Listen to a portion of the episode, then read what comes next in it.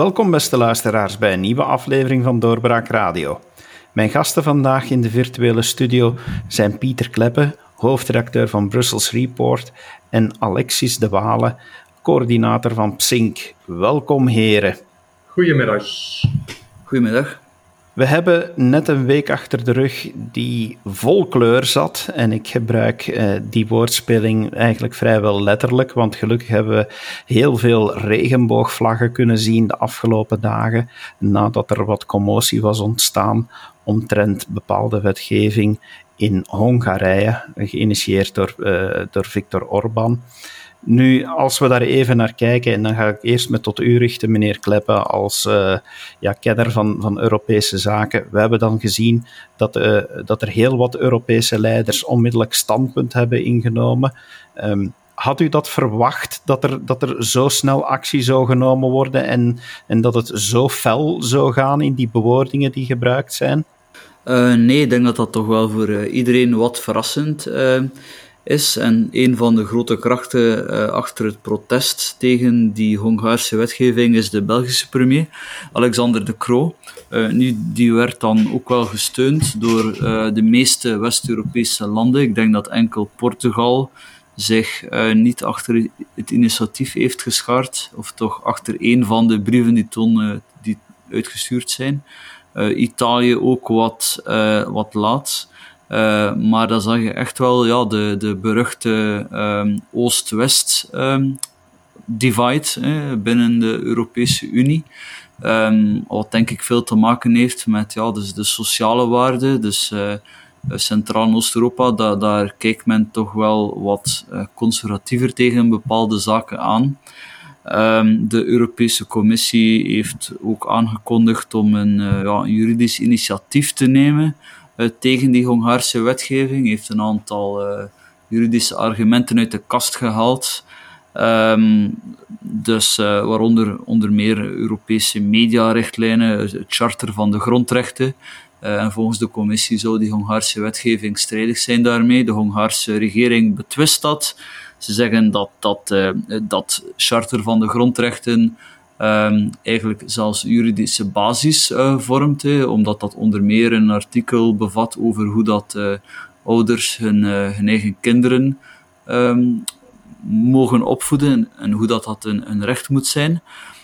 ik denk dat het toch vrij complex is. Op de zevende dag was de Hongaarse ambassadeur te gast en die beweerde, ja, uiteindelijk dus is het wetgeving die, die enkel kinderen, um, dus, uh, die dus enkel over, over kinderen gaat. He, dus perkt geen rechten in voor uh, volwassenen. En we willen enkel verzekeren dat er een soort van duidelijke neutrale communicatie komt over die zaken en dat het geen, geen propaganda wordt. En, en als ik het goed begrepen heb, gaat men dan met een systeem werken waarbij dat mensen die eh, seksuele opvoeding willen geven aan, uh, aan kinderen, aan jongvolwassenen, een soort overheidserkenning moeten, moeten krijgen. Nu terecht um, worden daar veel vragen bij gesteld. Ik denk dat je al heel snel kan inbeelden hoe dat die erkenning op, uh, op een loesje manier zal verlopen. Maar in de praktijk wil ik wel nog eens zien of het zo eenvoudig zal zijn om zwart op wit aan te tonen dat die wetgeving is strijdig met, um, dat die wetgeving strijdig is met, met het Europese, het Europese charter. Nu, um, als we er nu gewoon van uitgaan dat dat zo is, en dat, dat, uh, dat Hongarije echt uh, de bedoeling heeft om, om dus ja, echt een, een zeer beperkt of beeld van, van seksualiteit te gaan, gaan onderwijzen op school, Um, iets waar denk ik toch ook vele ouders zich niet uh, goed um, bij voelen. Um, nu, zelfs als dat zo is, kan je de vraag stellen, goed, waarom, waarom wordt dan zoveel Europees belastingsgeld naar Hongarije uh, gestuurd? Want, want dit past natuurlijk in een, uh, in een veel breder kader. Dat, dit gaat niet enkel over uh, homo, transgender rechten en zo. Dat gaat ook over ja, de rule of law, de rechtsstaat, die dus ook al lang volgens toch vele rapporten onder, onder vuur ligt in, in Hongarije en bij uitbreiding zou ik durven zeggen in geheel centraal in Oost-Europa, in het ex-communistische blok. Uh, waar men nooit natuurlijk van een perfect niveau is gestart, om het zacht uit te drukken. In sommige van die landen, zoals Roemenië, Bulgarije, is, is de transitie uit de communistische dictatuur al bij al zeer beperkt. Dezelfde elites zijn nog, uh, uh, hebben het nog voor het zeggen, um, in zekere zin. De, dus niettemin um, gaan dus miljarden en miljarden belastingsgeld van West-Europa via allerlei transfermechanismes naar die lidstaten. Um, en, en, meneer De Walen, eh, u hebt, uh, u hebt heel veel onderzoek gedaan als psycholoog, ook naar, naar seksuele minderheden, en hebt dus op die manier ook nauwe banden opgebouwd met ja, en nu zit ik al even vast. Hoe moet ik nu beleefd die hele gemeenschap tegenwoordig aanduiden? Want ja, je zou zeggen holibi en transgender, maar ik wil, ik wil tonen dat ik iedereen wil, wil benaderen. Dus ik aarzel soms een beetje bij het gebruiken van de juiste term. Um, dus als eerste vraag, welke term gebruiken we nu best om, om niemand voor het hoofd te stoten? Ja, ja, ik denk dat we vooral geen schrik moeten hebben om bepaalde termen te gebruiken. Hè. Ik snap dat het niet altijd zo simpel is. Ik gebruik zelf graag de term seksuele en genderminderheden, omdat ik dat relatief eenvoudig vind en duidelijk. Maar uh, ja, er is natuurlijk veel te doen rond dat bewuste acroniem LGBTIQ en dan komt er soms nog een A bij. Maar uh, ja, ik zeg het, ik denk uh, seksuele en genderminderheden is misschien, misschien net iets meer eenvoudig om, om, om te gebruiken. Hè. Maar ik heb onlangs ook een presentatie gegeven voor de medewerkers van de Council of Europe en daar werd die vraag ook gesteld van ja, moeten we daar nu inderdaad, welke term moeten we nu gebruiken? Ik denk dat dat vooral belangrijk is dat we ja, de vinger op de wonden durven leggen van waar zijn er een aantal problemen met minderheden en hoe kunnen we daar iets aan doen. Hè. Ik denk dat dat echt wel ja, essentieel is. Dus ik weet niet of dat een antwoord is op uw vraag. Ja, ja dat, is, dat is een heel duidelijk antwoord. Weer, uh, weer blij dat ik, daar, uh, dat ik dat van iemand te horen krijg die, die met kennis van zaken dat kan meegeven. Als we nu inderdaad kijken, ook wat meneer Kleppen net zei, denkt u dat, stond u in de eerste plaats eigenlijk verwonderd dat dit nog in Europa zo'n grote zaak wordt, in het Europa van vandaag? Ja, laat ik zeggen dat ik verwonderd was over de, de toch wel uh, het intense debat dat gevoerd werd. En ik was toch wel onder de indruk ook van de, de reacties, vooral van, van politici zelf. Hè, en de, de kettingreactie die dat dan uh, heeft uh, in gang gezet. Hè, natuurlijk ook al met het EK en regenboogkleuren. En, hè, dus, dus is toch wel opvallend. En ik denk in die zin toch wel echt wel een unieke gebeurtenis geweest, denk ik, de voorbije week. Dat er zoveel politieke verontwaardiging uh, geweest is met betrekking tot ja, eh, LGBTIQ-minderheden, zeg maar, en wat er nu gebeurt in Hongarije. Dus ja, dat vind ik eigenlijk echt wel bijzonder. Nu, anderzijds, ik denk Europa doorheen de tijd is altijd wel een voortrekker geweest als het gaat over het ja, het opkomen voor, uh, voor, voor rechten van seksuele en genderminderheden. Dat is denk ik in die zin dan ook weer niet nieuw. Dus ik zou zeggen, de algemene verontwaardiging bij politici is nieuw, maar het, uh, het, het ja, zeg maar, de fight for rights op politiek niveau is ook wel iets Europees. Hè? Maar daar staat natuurlijk ook wel tegenover dat Europa is nooit een eenheidsblok geweest. Hè? Integendeel, hè? Eh, de verschillende Europese lidstaten eh, zijn altijd eh, erg verschillend van elkaar geweest. En daar spelen Noord, Zuid, Oost, West assen natuurlijk, die daar een rol in spelen, socio-economisch ook.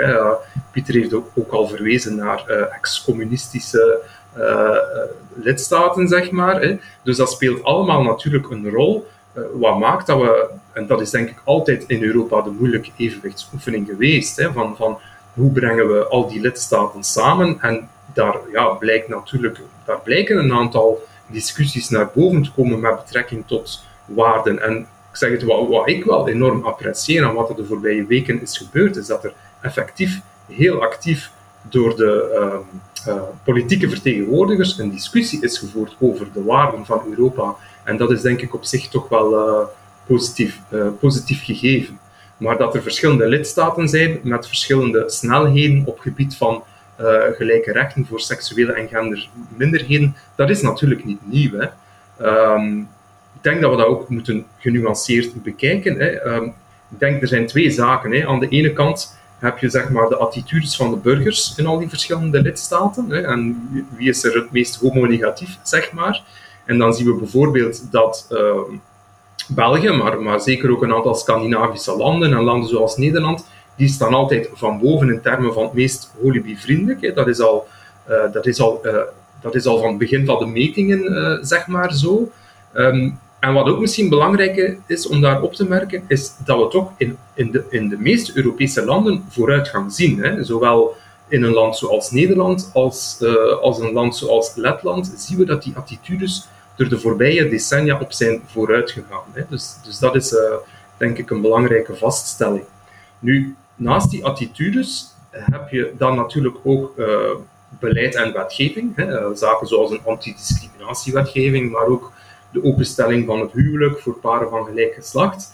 En dan zien we opnieuw daar weer een heel grote diversiteit tussen die Europese lidstaten. Het is, um, het is ILGA, ILGA uh, Europe, die zorgvuldig eigenlijk monitort hoe de wetgeving met betrekking tot seksuele en genderminderheden, hoe dat die evolueert uh, in Europa. En dan zien we bijvoorbeeld dat uh, Malta daar op nummer 1 staat en België op nummer 2. Hè. Dus, dus wij scoren zelf als het gaat over beleid uh, voor holibies en transgenders, intersex en zo, scoren wij zelf ook zeer goed. Hè. Uh, maar ook daar is er, als je naar die lidstaten kijkt, veel, uh, heel veel diversiteit. En inderdaad, een land zoals Hongarije scoort dan niet goed. Maar, hè, belangrijk om op te merken, een land zoals Italië ook niet. Hè. Dus, um, dus er zijn ook andere lidstaten die niet Oost-Europees zijn, waar dat ook nog heel veel werk is aan de winkel. Dus, um, dus dat mogen we toch denk ik ook niet vergeten. Hè. Uh, je hebt de attitudes, die zijn duidelijk de voorbije decennia uh, sterk verbeterd.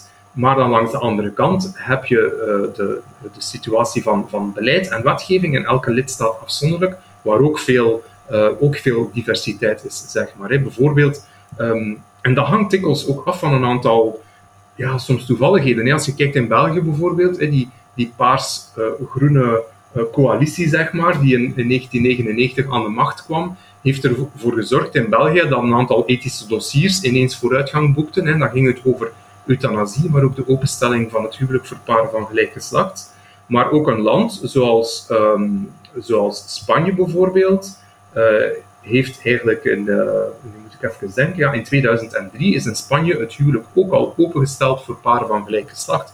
Dus dat is eigenlijk al, al, al zeer hey, relatief vroeg, zeg maar. Dus er spelen daar eigenlijk verschillende factoren die maken dat, uh, dat landen van elkaar uh, ja, verschillend zijn, zeg maar.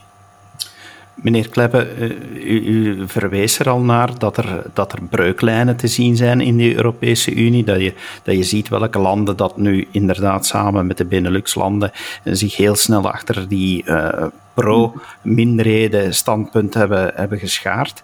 Uh, er zijn ook soms zware woorden gevallen. Hè. Premier Rutte heeft, heeft eigenlijk gezegd uh, tegen Hongarije: ja, als je de waarden niet onderschrijft, je staat vrij om te vertrekken.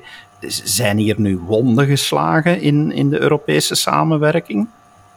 Goh, ik denk, uh, ik denk in zekere zin wel, hè, want hoe meer van dergelijke discussies dat je krijgt, hoe, hoe, minder vertrouwen dat er natuurlijk groeit. Nu, um, probleem is wel, denk ik, dat we een onderscheid moeten maken tussen het, uh, het echt het schenden van de, de mensenrechten, hè, dus van, van fundamentele rechten. Uh, daar denk ik dat het normaal is dat, um, dat er streng wordt toegekeken. En dat men inderdaad zegt van, ja, als jullie niet eens zijn, dan, uh, dan kunnen jullie misschien uit de Europese Unie gaan, hè, zoals Mark Rutte heeft, heeft gezegd. En aan de andere kant ehm, dat er natuurlijk uh, verschillen kunnen bestaan tussen landen, uh, waarbij dat ene land wat conservatiever naar de zaken kijkt uh, dan het andere. En um, ik zou toch wel willen waarschuwen voor, om, om, als men dus voor, laten we zeggen, homo-emancipatie strijdt, om dat naar het Europese beleidsniveau te trekken. Want um, hoe meer dat er op Europees niveau wordt geregeld, hoe minder dat de lidstaten hebben te zeggen. En je kan zelfs zien in die, uh, dus die statistieken over uh, dus ja, de openheid ten opzichte van, van, van andere seksuele geaardheden. dat inderdaad in de lage landen in Scandinavië, dat wij daar, laten we zeggen, het meest liberaal naar kijken, maar dat dat helemaal niet het geval is. In misschien wel een meerderheid van lidstaten. Misschien niet op dit moment, maar als de ideeën zouden evolueren. Dus ik denk dat het bijzonder onverstandig zou zijn om ehm, zaken zoals huwelijk, uh, zaken zoals seksuele opvoeding, onderwijs in het algemeen trouwens, om, om zo'n bevoegdheden die toch uh, sterk samenhangen met nationale, regionale voorkeuren, om dat door een supranationaal niveau te laten opleggen, opleggen zeker niet als dat bij, uh, bij meerderheid uh, zou gebeuren. Dus, en dat, dat moet men toch, toch vermijden. Men moet er denk ik toch altijd wel bij zeggen van kijk, kijk wij richten ons expliciet op wat dat wij denken dat een echte mensenrechten schending is. En voor de rest staat het jullie vrij om uh, binnen het kader van de mensenrechten een, een, een ja, een eigen voorkeursbeleid ehm, uit te werken. Dan neemt natuurlijk niet weg dat, dat Alexis, dat, dat groepen die, die zich uh, die pleiten voor meer, uh, meer homo-emancipatie, dat die daar wel degelijk actief zijn.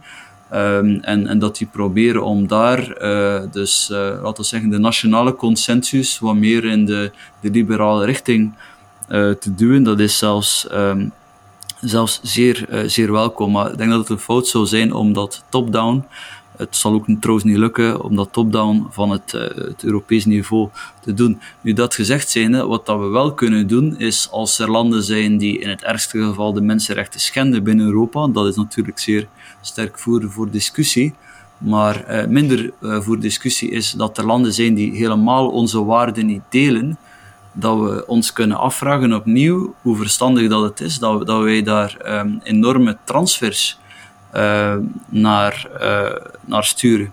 Je zou kunnen zeggen, ja, wat heeft het ene met het andere te maken? Wat hebben die, uh, die grote geldtransfers, die dus Orbán en zijn, zijn omgeving, maar, maar eigenlijk is het bijna in elk, in elk Oostblokland hetzelfde systeem, die oligarchen. dus, dus wat heeft dat te maken met, ja, met dit soort thema's? Wel, dus er is een, een Europees parlementslid die dus bij de groep van Macron en VLD zit, uh, mevrouw Catalin Che.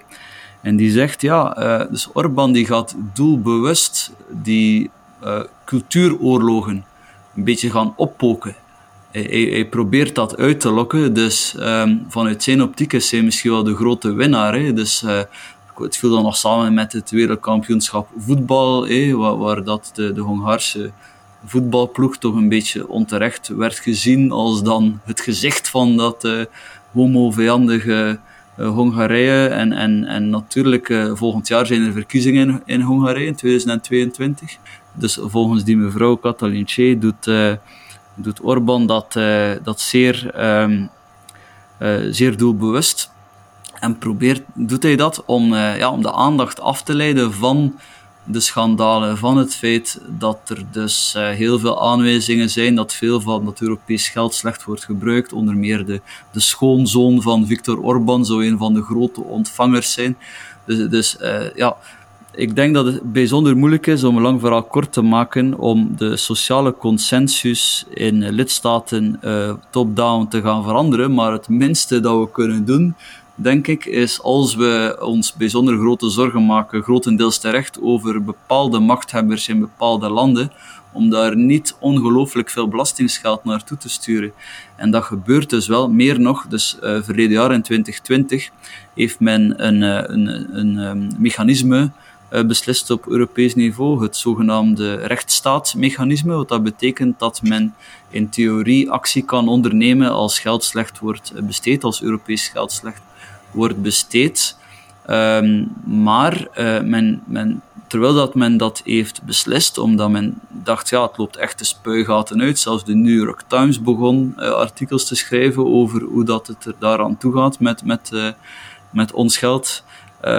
heeft men een, een, tweede, een Europees steunfonds van 800 miljard euro um, beslist, dat in de praktijk neerkomt op een nieuwe grote financiële injectie waarbij dat de grote winnaars per capita Bulgarije zijn, Kroatië en ook, en ook Griekenland.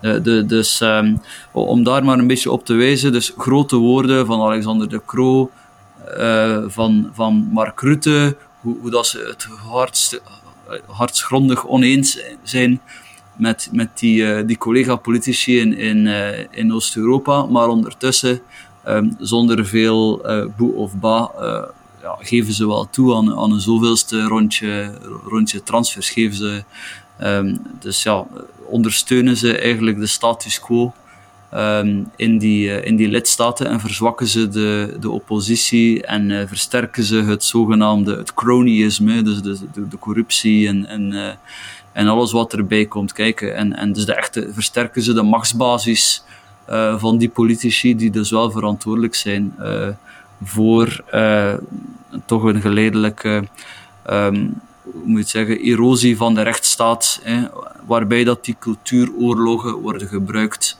om de, om de oppositie te fnuiken. Meneer De Walen, we hebben dan natuurlijk ook de reacties in eigen land de regering bij monden van eerste minister De Croo heeft, heeft duidelijk gereageerd. Maar als je dan ook even verder gaat kijken op sociale media, dan, dan zie je toch dat daar ook onmiddellijk reacties komen. En dat daar reacties zijn die eigenlijk wel begrip opbrengen voor wat, uh, voor wat er beslist werd in Hongarije. Is dat een verrassing? Uh, dat, dat, dat er toch ook nog altijd bij ons mensen zijn die, uh, die het niet helemaal eens zijn met, uh, met gelijke rechten voor de hele seksuele minderheden en, en genderminderheden? Nee, ik denk dat dat op zich niet zo verrassend is. Um, ook in een land waar een groot deel van de bevolking positief staat ten opzichte van holibies en transgenders, zijn er nog altijd groepen die het daar lastig mee hebben, die, die meer traditioneel denken, die uh, ja, het gezin als hoeksteen van de samenleving, traditionele man-vrouw rolpatronen belangrijk vinden. Maar, uh, dus, dus nee, ik denk niet dat dat, dat, dat hoeft te verwonderen. Hè. Ik denk dat incidenten die nog niet lang geleden gebeurd zijn, zoals, uh, zoals ja, homogeweld, regenboogvlaggen die, die worden kapotgescheurd en zo, dat gebeurt bij ons ook. Hè. Dus er, er, er is nog altijd ook bij ons homonegativiteit. En um, ja, dus ik denk dat we daar ook niet te zelfgenoegzaam in moeten zijn. Hè. Het is natuurlijk altijd uh, gemakkelijk om te doen alsof dat het probleem uh, ja, buiten België ligt en, en, en geen onderdeel niet meer is van onze samenleving. Maar dat is natuurlijk ook niet, niet, uh, niet het geval.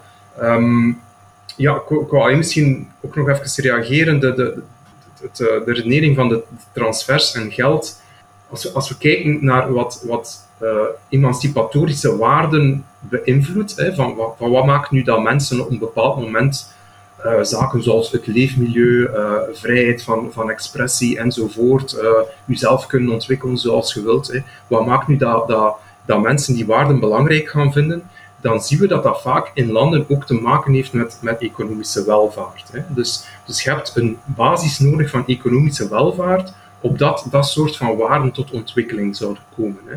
Als je dan kijkt in West-Europa bijvoorbeeld, hè, de periode na de Tweede Wereldoorlog, waar we eigenlijk een enorme economische groei en welvaart hebben gezien, heeft er ook voor een stuk toe bijgedragen dat bepaalde emancipatorische waarden tot ontwikkeling zijn gekomen. Hè. Ik denk als we vandaag in de wereld gaan kijken van wat zijn de landen waar bijvoorbeeld homoseksualiteit nog altijd gecriminaliseerd uh, wordt tot de doodstraf toe, dat zijn niet toevallig landen waar zeer weinig economische welvaart is. Hè.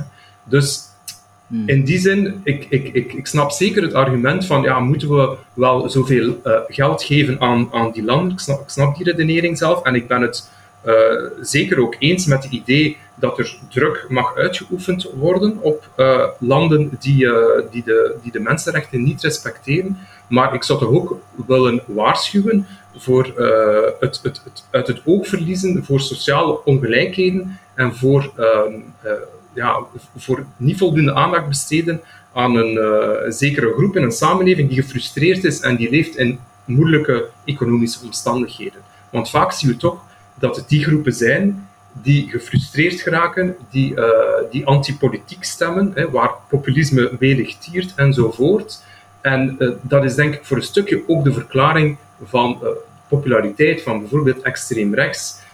en ook inderdaad reacties tegen bijvoorbeeld seksuele minderheden. Dus in die zin pleit ik er toch ook voor om een, om een, een voldoende ruime blik te hanteren en dat inderdaad landen waar seksuele en genderminderheden vaak gediscrimineerd worden, dat daar ook vaak een, een socio-economische problemen zijn. Hè. Als je kijkt bijvoorbeeld naar een land zoals Rusland, hè, een Poetin die natuurlijk ook gekend staat voor zijn homofobe uitspraken enzovoort. Het is niet toevallig dat bepaalde politieke elites uh, in landen waar het economisch moeilijk gaat, dat die op zoek gaan naar een zondebok. Dat is een fenomeen dat we eigenlijk doorheen heel de menselijke geschiedenis al zien. Er zijn zelfs, uh, er zijn zelfs ja, bewijzen dat wanneer in de middeleeuwen in Brugge homoseksuelen vervolgd werden, dat een van de zaken die dat aanvuurde, dat dat ook een moeilijke uh, economische situatie was toen uh, in die periode en dat men eigenlijk op zoek ging naar een zondebok. Hè. Ik denk dat je dezelfde fenomenen ziet uh, verschijnen wanneer dat gaat over migratie en etnische minderheden. Hè. Wanneer dan een maatschappij of een samenleving economisch onder druk komt te staan, hè, dan gaat men vaak op zoek naar, naar zondebokken. Dus dat vind ik in, die, in, in deze toch ook wel een, uh, een belangrijk iets. Maar tegelijkertijd, het is denk ik ook voor een stuk de kracht van Europa dat wij uh, dat, dat, dat we een discussie kunnen voeren over waar en dat we ook druk kunnen uitoefenen op landen die uh, ja, die, die specifieke minderheden ja, in een gevaarlijke situatie terechtbrengen of, of, of de mensenrechten zouden schenden. In die zin is het misschien ook belangrijk om, om, om te vermelden dat het is al een onderdeel van de, van de Europese wetgevende kaders om daartegen in verzet te komen. Hè. De, er bestaat zoiets in Europa als een Employment Equality Directive.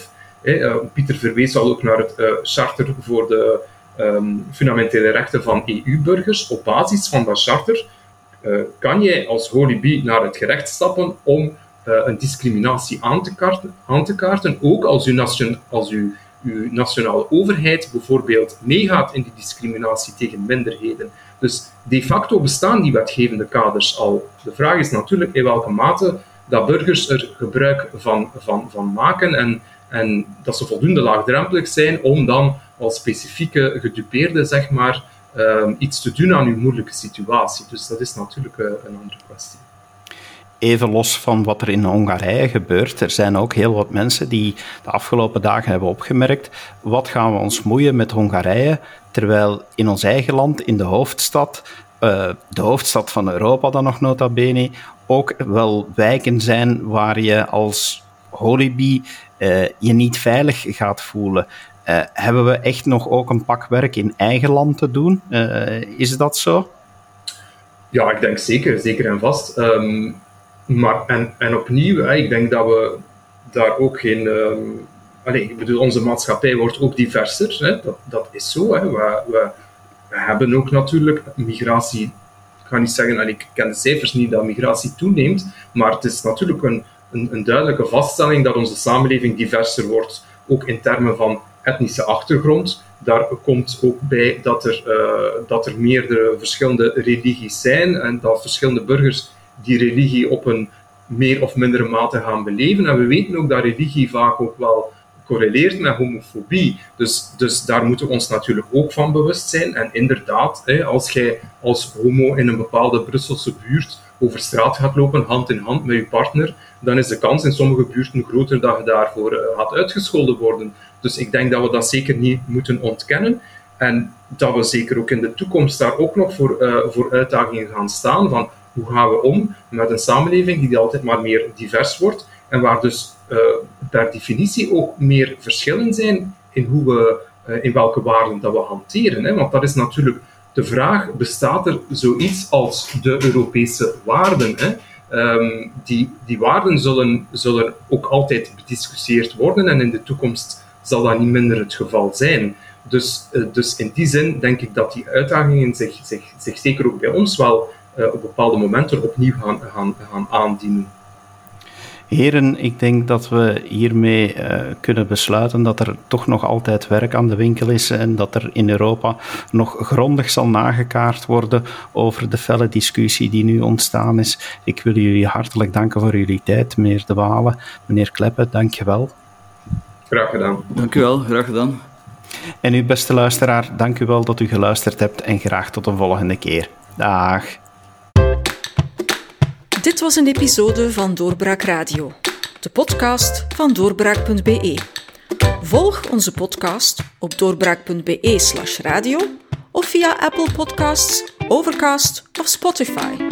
Bezoek ook onze website op doorbraak.be en steun ons door een vriend te worden van Doorbraak.